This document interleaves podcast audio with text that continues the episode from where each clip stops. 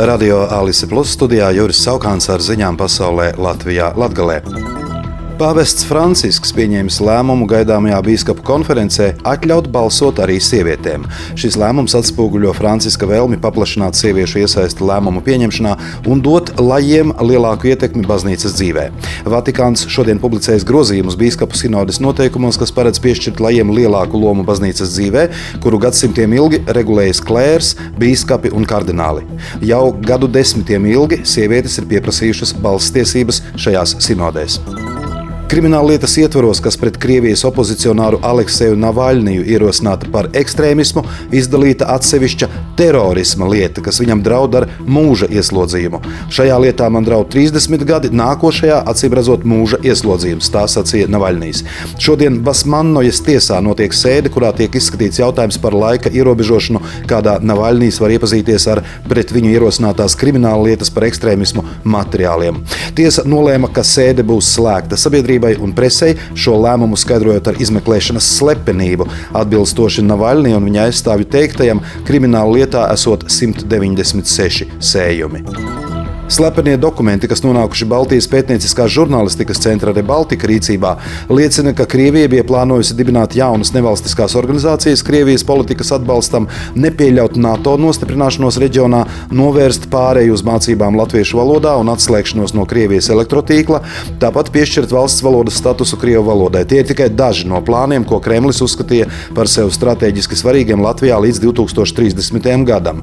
Šie plāni bija tapuši divās Krievijas prezidenta pārvaldēs, kuras atbildīgas par Kremļa ietekmes aktivitātēm Baltijā un tagad nonākušas starptautiskas žurnālistu grupas rīcībā. Latvijas konsolidētajā kopbudžetā šogad pirmajā ceturksnī bijis 264,1 miljona eiro deficīts, kas ir tieši divreiz lielāks salīdzinājumā ar pērnā gada trīs mēnešiem. Kopbudžeta izdevumu pusē vērojams strauji kāpums subsīdijām un dotācijām, kas šā gada pirmajā ceturksnī sasniedza 1 miljardu, jeb par 18,3% vairāk nekā atbilstošajā periodā tieši pirms gada. Zaļo un Zemnieku savienība rosinās mainīt tiesisko regulējumu un vairs neprasīt pašvaldību vadītājiem iegūt atļaujas savienot tādus amatus, kas saistīti ar vietvaru interešu pārstāvniecību, jo tā esot lieka birokrātija. ZZS uzskata, ka likuma par interešu konflikta novēršanu valsts amatpersonu darbībā normas ir jāmaina, un turpmāk pašvaldību vadītājiem nebūtu jāsaņem ministru kabineta atļauja, jo tā esot lieka birokrātiska procedūra. Politiskā spēka pārstāvji pauda neizpratni par ministru prezidenta Krišjāņa Kari Kariņa jaunā vienotība izteikumiem saistībā ar atsevišķu pašvaldību vadītāju spēju apvienot amatus. Iespējams, premjerministrs jau otro termiņu vadot valdību nav vēl paspējis iepazīties ar valsts un pašvaldību darba specifiku, ironizē ZZS. 12. maijā notiks Vides aizsardzības un reģionālās attīstības ministrijas organizētā konference Austrumu pierobeža, attīstības iespējas un izaicinājumi attālajiem reģioniem. Tajā apspriedīs Latvijas un Eiropas Savienības austrumu pierobežas attīstības izaicinājumus un iespējas, tajā skaitā iespējamos atbalsta pasākumus ekonomikas attīstības veicināšanai, izzinot arī citu valstu pieredzi attālo reģionu attīstībā un uzņēmējdarbības sekmēšanā. Šodien amatā stājas jaunievēlētais Daugopils Universitātes rektors Arvīts Barševskis, kurš šajā postenī atgriežas pēc piecu gadu pārtraukuma.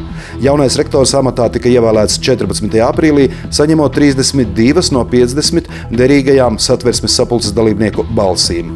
Uz šo amatu kandidēja arī bijusi izglītības un zinātnes ministre Ilga Šuplinska.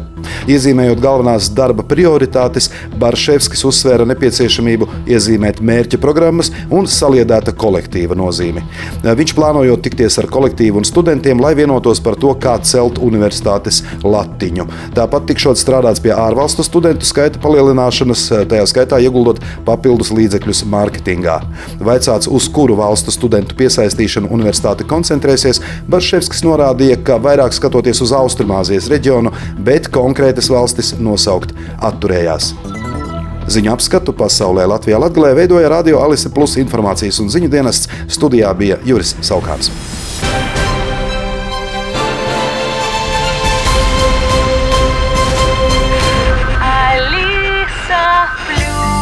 Radio